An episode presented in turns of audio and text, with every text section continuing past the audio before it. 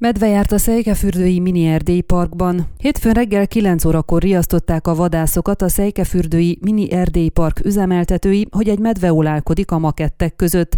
Tájékoztatta lapunkat Marmoriano Bíró Leonárd, a Nagyküküllő Vadász és Sporthorgász Egyesület vezetője. Mint mondta, a fiatal két-három éves vadat végül elriasztották.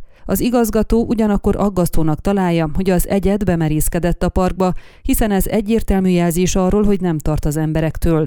Sok turista felkeresi a létesítményt, így már csak az emberi szag is el kellene riassza a medvét, amely ennek ellenére is bemerészkedett a parkba, veszélyeztetve a látogatók és az ott dolgozók testi épségét, vázolta a helyzetet. A hatályos törvények betartásával az a döntés született, hogy egyelőre megpróbálják befogni és a lakott területtől távolabb szállítani a medvét.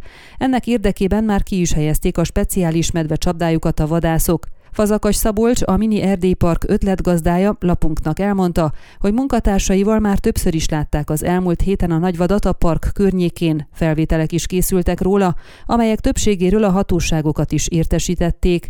Emiatt korábban is voltak riasztások a helyszínen. Hétfőn a makettek között sétált a medve, és ez már nem vicc, ezért is fontos, hogy mielőbb lépések történjenek az ügyben, jegyezte meg Fazakas. Ön a Székelyhon aktuális podcastjét hallgatta. Amennyiben nem akar lemaradni a régió életéről a jövőben sem, akkor iratkozzon fel a csatornára, vagy keresse podcast műsorainkat a székelyhon.pro portálon.